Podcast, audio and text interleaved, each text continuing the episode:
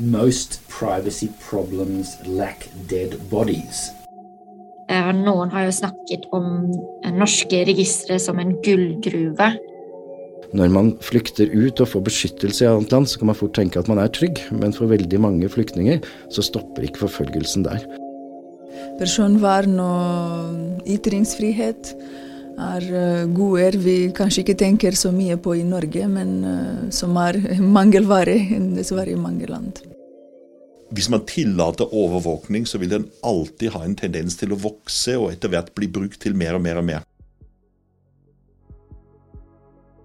Vi har enormt mange offentlige registre som samler inn data om norske borgere, altså deg og meg. Disse registrene har bl.a. som formål å kunne levere velferdstjenester, sørge for at du ivaretar dine skatteplikter, samle kunnskap, produsere statistikk og forskes på. Hver for seg inneholder registrene personopplysninger i varierende omfang. Men felles for alle registrene er at de har den samme identifikatoren, fødselsnummer. Dette gir store muligheter for koblinger med andre registre og andre data, og skaper et stort potensial for innsikt i borgernes liv. Er du egentlig klar over alle registrene du står oppført i, og hvordan data fra de brukes? Og hva slags overvåkingspotensial ligger i disse registerdataene? I denne tredje episoden av serien snakker jeg med en forsker fra NTNU som er ekspert på datadrevet offentlig forvaltning.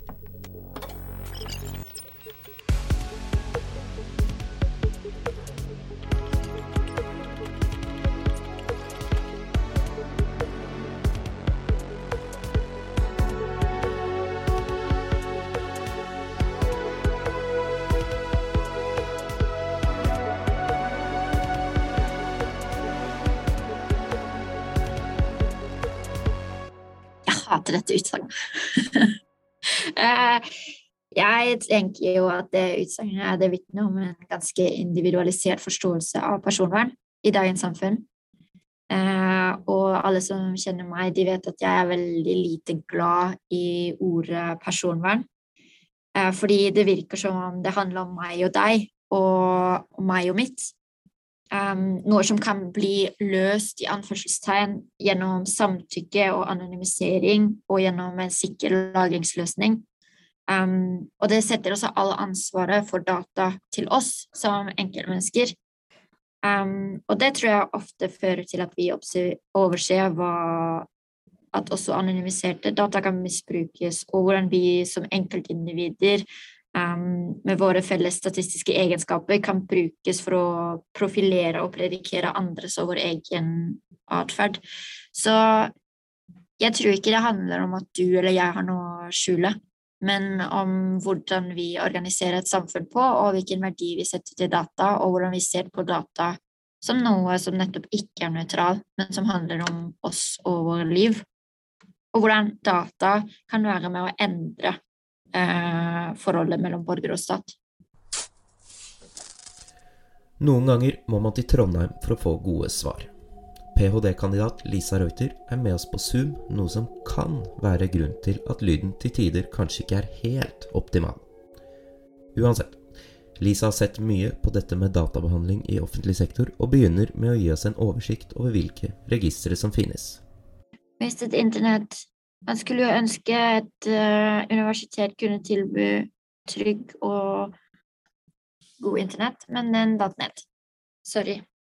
Hei, uh, jeg heter Lisa. Jeg er 26 år gammel og jobber på Institutt for sosiologi og statsvitenskap ved NTNU, så jeg er med fra Trondheim. Uh, for tiden jeg, forsker jeg på datadrevet offentlig forvaltning, og det har jeg egentlig gjort i en god stund nå. Eh, og akkurat nå så skriver jeg på min fjerde og siste artikkel fordi jeg skal levere avhandlingen min om mindre enn seks måneder. Ja. Lisa, hvilke offentlige registre finnes egentlig, og hva brukes de til? Det finnes et hav av offentlige registre. De følger oss egentlig fra vugge til grav. Vi blir registrert i folkeregisteret rett etter vi blir født, eller når vi innvandrer til eh, Norge. Eh, og etter det så finnes det alt fra valutaregister, som registrerer beløp som overføres fra Norge til utlandet over, viss, eh, over et visst beløp. Det finnes ekteskapsregister og hunderegister hvor vi kan registrere dyrene våre, eller hvor de automatisk blir registrert. da. Fordi mange av registrene, det er nettopp det som skjer, at det, der skjer det registrering av opplysning automatisk. De brukes for å administrere oss som borgere, og er ofte knyttet til våre juridiske rettigheter og vår status som innbygger i en nasjonalstat. Det fins ingen opt-out-mulighet, altså vi kan ofte ikke velge om vi vil være med eller ikke.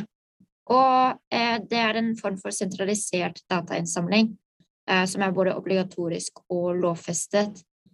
Registrene fins jo fordi vi skal administreres, og det, ofte så ivaretar de våre formelle plikter og rettigheter, og de kan brukes for å drive forskning på.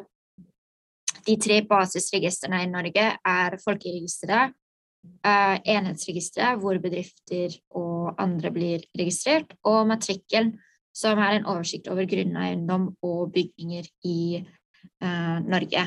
Og oppå de så finner vi et hav av uh, registre som jeg dessverre ikke har funnet ut hvor mange som finnes av. Men hvis du vil ha en oversikt over hvilke register som finnes, så har Pressens offentlighetsutvalg lagt ut en hel liste på sine nettsider. Og så har vi jo denne digitaliseringen som muliggjør storstilt sammenstilling av data.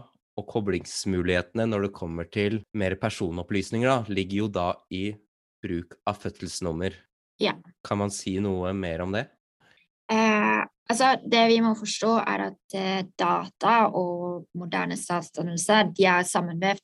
har alltid registrert data om våre innbyggere eh, for å føre god statistikk over befolkningen i en nasjonalstat, sånn at vi kan utøve god styring som stat.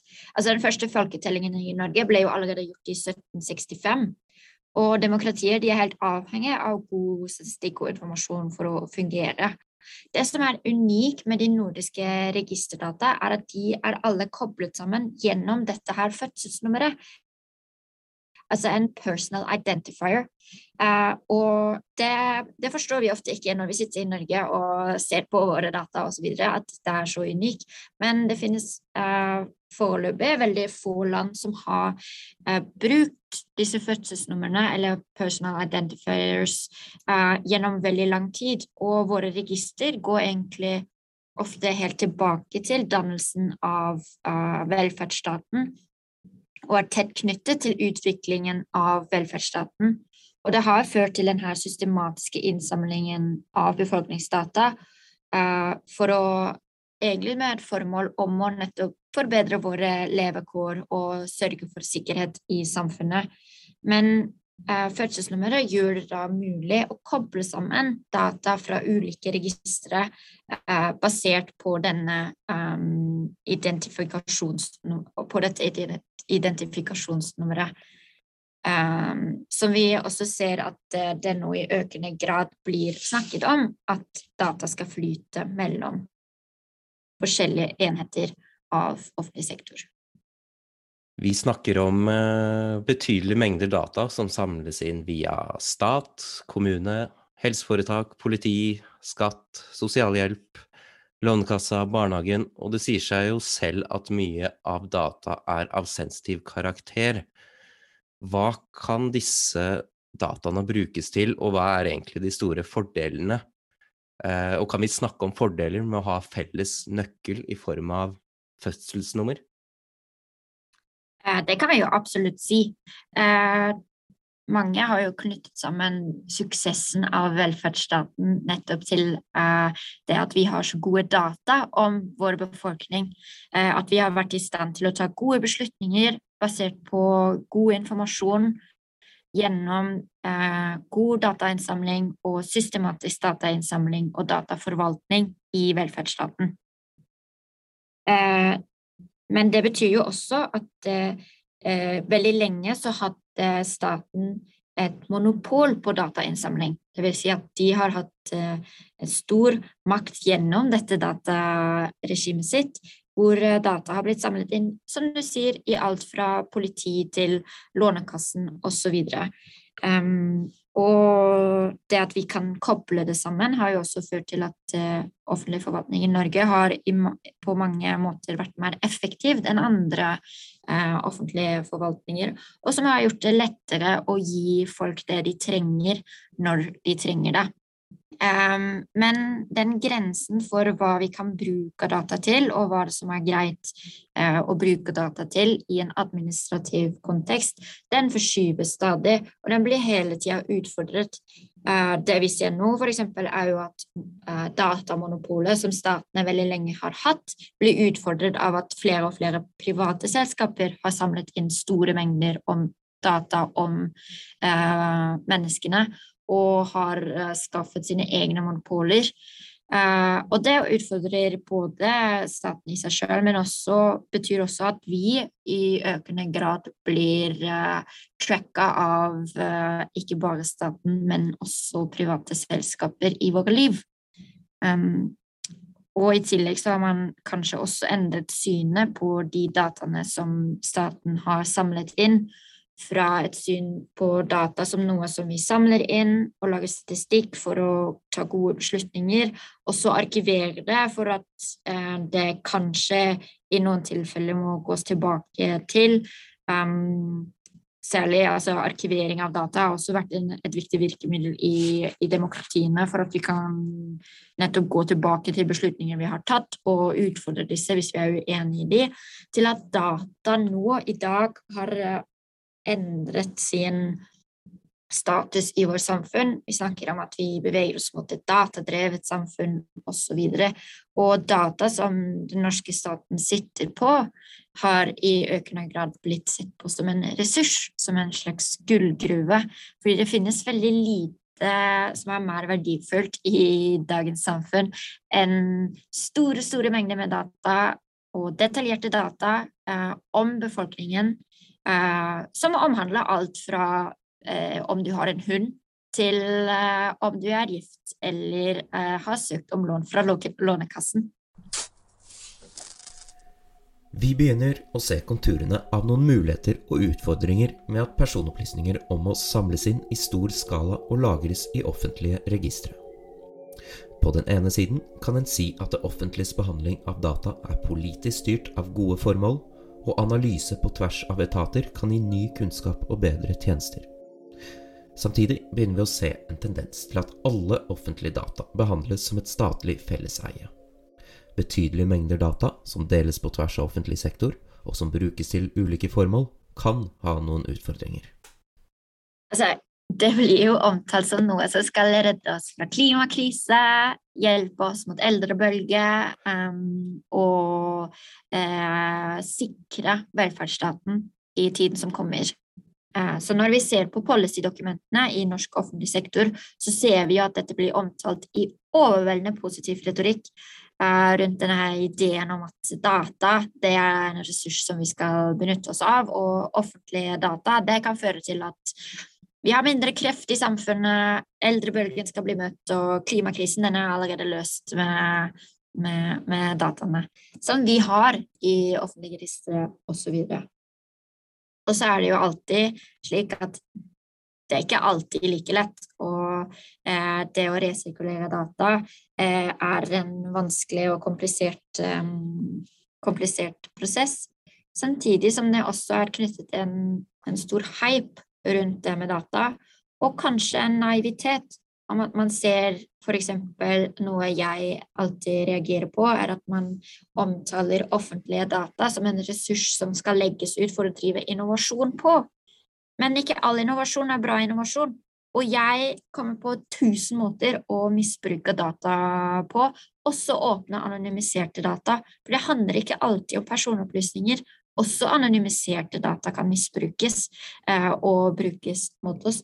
Så det vi ser, er jo at man har en sånn, sånn overveldende positiv retorikk rundt dette her, som i stor grad også eh, blir drevet av private aktører, fordi de er ganske interessert i offentlige data. Vi ser f.eks. at eh, når vi lager policy på dette feltet, så er det hovedsakelig private aktører som blir invitert for å gi sin input på hvordan data skal deles, og hva slags data som skal deles. Um, Og at man har en sånn idé om at uh, data også alltid vil føre til uh, positive ut... Eller altså at det vil hjelpe oss og gjøre samfunnet bedre. Men det er ikke gitt at dette vil faktisk gjøre samfunnet bedre. Um, og vi har allerede sett, som i det nederlandske eksempelet, at uh, data kan også misbrukes og brukes for å diskriminere, for å overvåke og for å endre maktbalansen mellom borger og stat.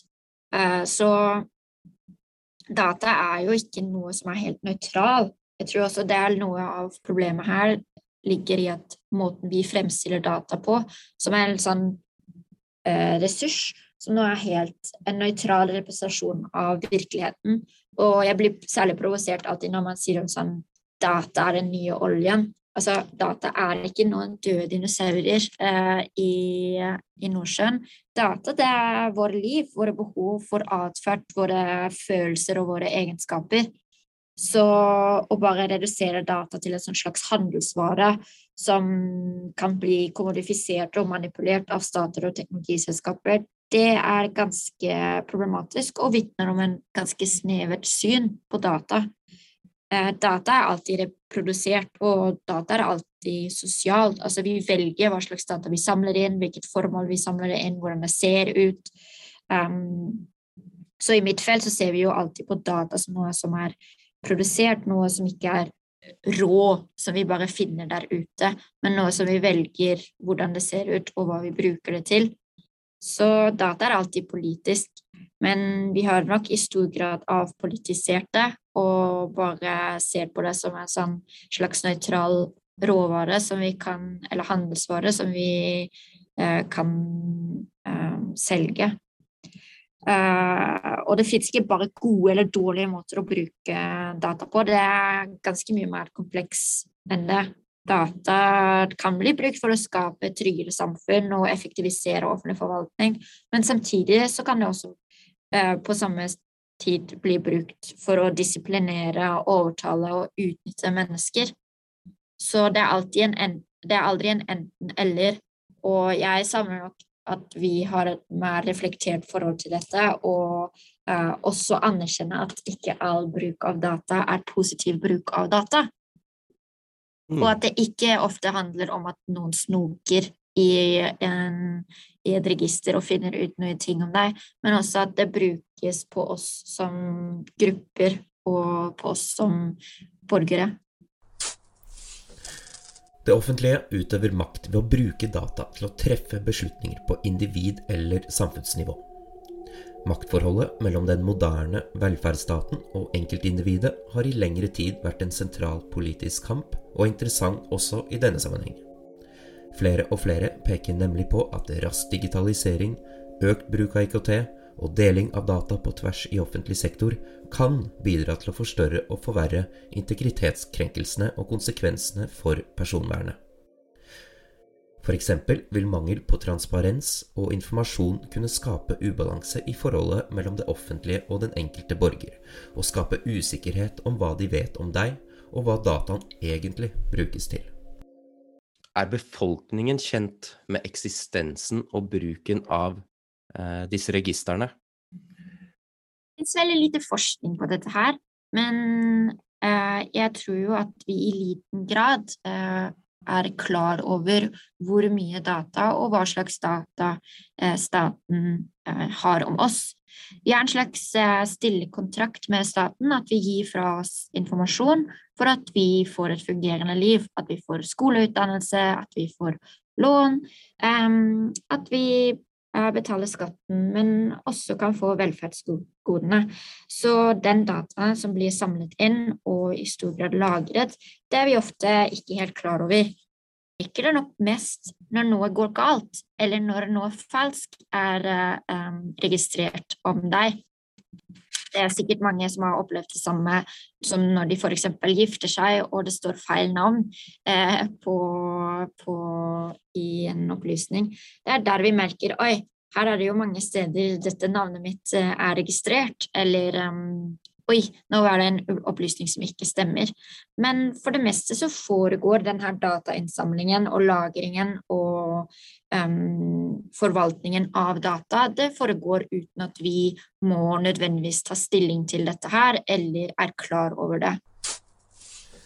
Personopplysninger har den funksjon at de ofte benyttes som grunnlag til å treffe beslutninger, gjerne om enkeltpersoner. I offentlig sektor vil beslutningene som regel være hjemlet i lov. Behandlingen av data i denne sektoren er med andre ord sjelden basert på samtykke, og slikt sett er det liten grad av valgfrihet og autonomi for den enkelte til å velge om de vil stå oppført i disse registrene eller ikke. Vi har ingen opt-out-mulighet. Eh, vil si at vi har ikke mulighet til å bare bestemme at vi ikke skal være i offentlig register. Vi må være der for å være en borger i dette landet, så, så er vi der fordi registerinnsamlingen også er lovfestet. Uh, og det igjen er ganske unikt for de nordiske statene at den graden av datainnsamlingen faktisk ikke bare er noe som blir gjort uh, uten at det, for, for administrative um, formål, men at det er lovfestet at disse dataene skal samles inn og um, brukes så er jo spørsmålet eh, må alt dette her eh, samles inn for at en stat kan fungere, og det er vanskelige spørsmål. Eh, I tillegg så, jo, eh, så vil vi jo gjerne at eh, staten har, eller offentlig forvaltning har noe data om oss, for at vi ikke hver eneste gang må oppgi absolutt alt. men som jeg sa tidligere, så handler det veldig mye om at her, uh, det her opplevelse av hva som er greit, og hva som er uh, akseptert av befolkningen, den flyttes hele tiden.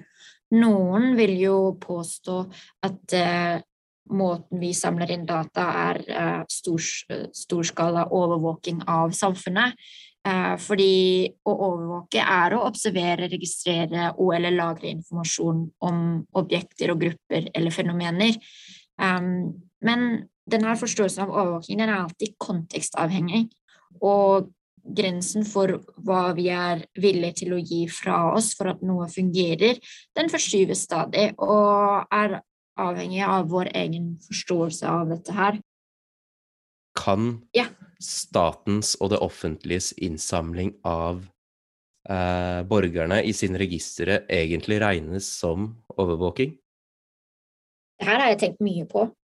Og jeg tror jo at det er en form for overvåking, men det er ikke den overvåkingen som vi ser på som mest problematisk. Når vi tenker på overvåking, og jeg spør folk hva, hva er det du tenker på når jeg sier overvåking, så sier de jo ofte at da ser de for seg den her lille mannen i de andres liv som sitter på loftet og hører på absolutt alt du gjør, eh, og rapporterer det her videre til sine overordnede.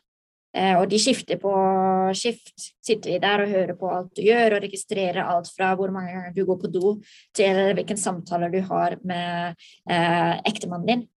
Det er ikke den type overvåking. Fordi overvåking er noe som er veldig kontekstavhengig.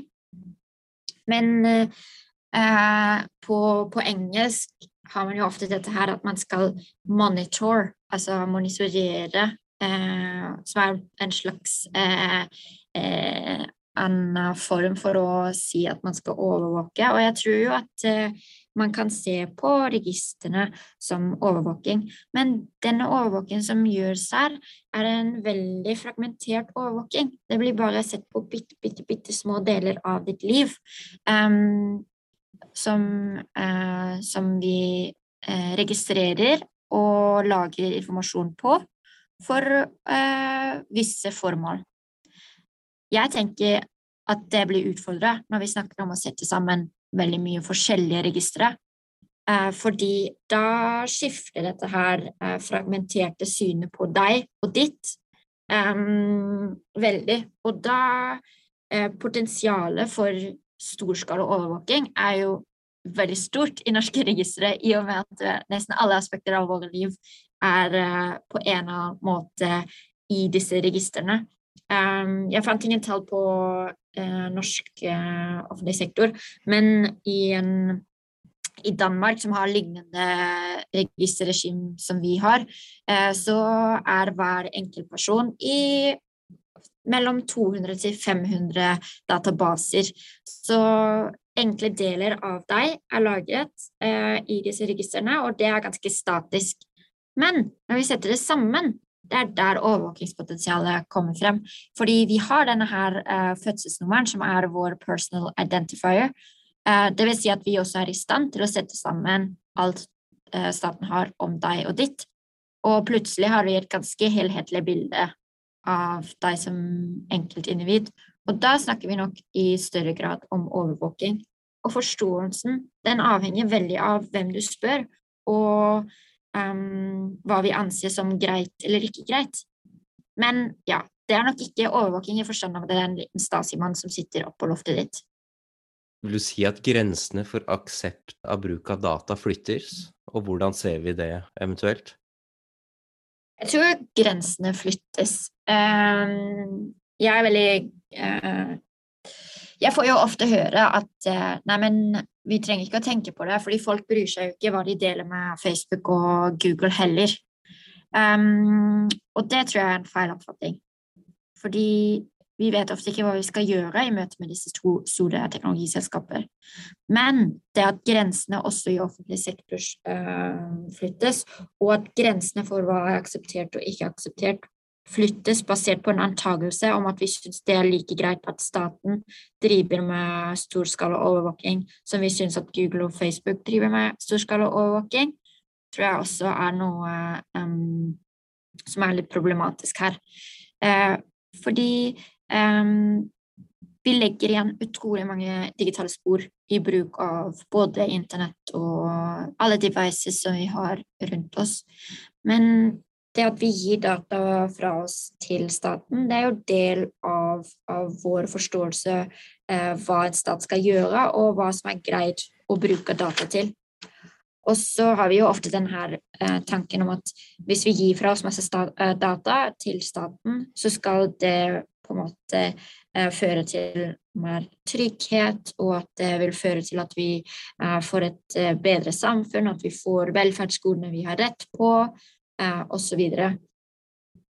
Men det er vanskelig å si hvor, hvordan dette her påvirker tilliten vår til eh, staten når disse dataene plutselig brukes i helt andre sammenhenger og til helt andre formål. Og staten har et særlig ansvar overfor sin befolkning.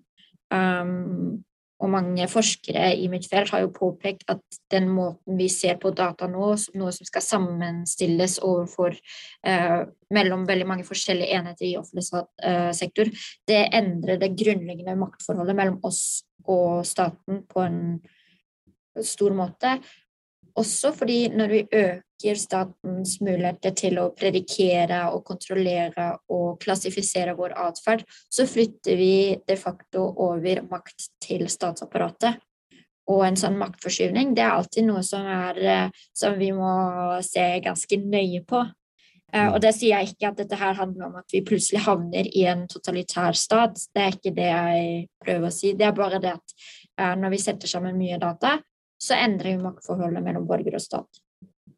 Og jeg har jo ofte også påpekt i mine samtaler med, um, med offentlig sektor at altså det at vi har holdt disse dataene atskilt, det har ikke bare noe å gjøre med at vi ikke har hatt uh, mulighet til å lagre all data på en, et sted. Men det at registrene i dag er noe som er uh, spredt og uh, på mange måter uh, bitte små eh, bitte små øyer i offentlig sektor. Det har jo også noe med maktdelingsprinsippet å gjøre. Staten skal ikke se absolutt alt du gjør og ha en fullstendig oversikt over deg, fordi det har ingenting å si eh, for din behandling eh, i Nav på hva som er lagret om deg i f.eks. tolkeregisteret eller i, eh, i um, valutaregisteret.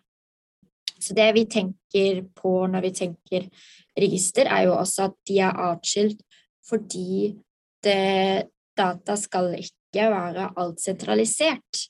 Eh, og det har mye med hvordan vi har offentlig, organisert offentlig forvaltning, og at vi før ikke har hatt eh, muligheten til å sette ha alle dataene lagret på samme sted, fordi lagringsmulighetene var til, rett og slett ikke bra nok. Men det er også noe med å gjøre hvordan vi driver et demokrati.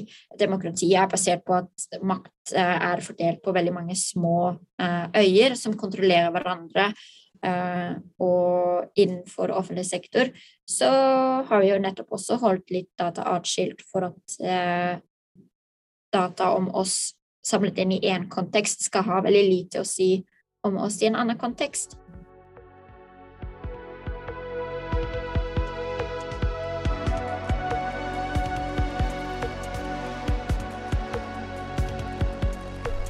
Det går mot slutten i denne tredje episoden av serien. Helt til slutt tar vi en sveip innom personvern og det vi kaller big data. Når vi vet hvordan og i hvor stor skala offentlig sektor samler inn og nå snakker mer og mer om å dele data, er det spesielt to prinsipper som utfordres. Det er prinsippet om formålsbestemthet, altså at personopplysninger kun skal benyttes til bestemte formål, og prinsippet om dataminimalisering, altså det å ikke samle inn mer data enn det som er nødvendig for et formål. Jeg utfordrer Lisa til å si litt mer om hvordan big data i offentlig sektor utfordrer nettopp personvernet. Altså, eh, i Norge har vi eh, ganske god eh, kontroll på våre data, eh, og det har vært eh, veldig vanskelig å sammenstille data og resirkulere data i offentlig forvaltning for å lage nye tjenester eller for å gjøre det. Men disse her lover og forskrifter og hjemler, de er jo også stadig vekk utfordret. Vi snakker f.eks. om at vi skal nå lage et eh, som er digitaliseringsvennlig.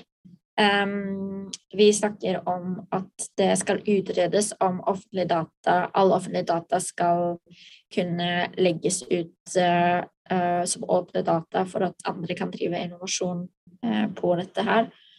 Og vi har også sett at um, flere og flere deler av offentlig sektor er interessert i å sammenstille mer data, som, og er interessert i å få tak i data fra andre deler av offentlig forvaltning.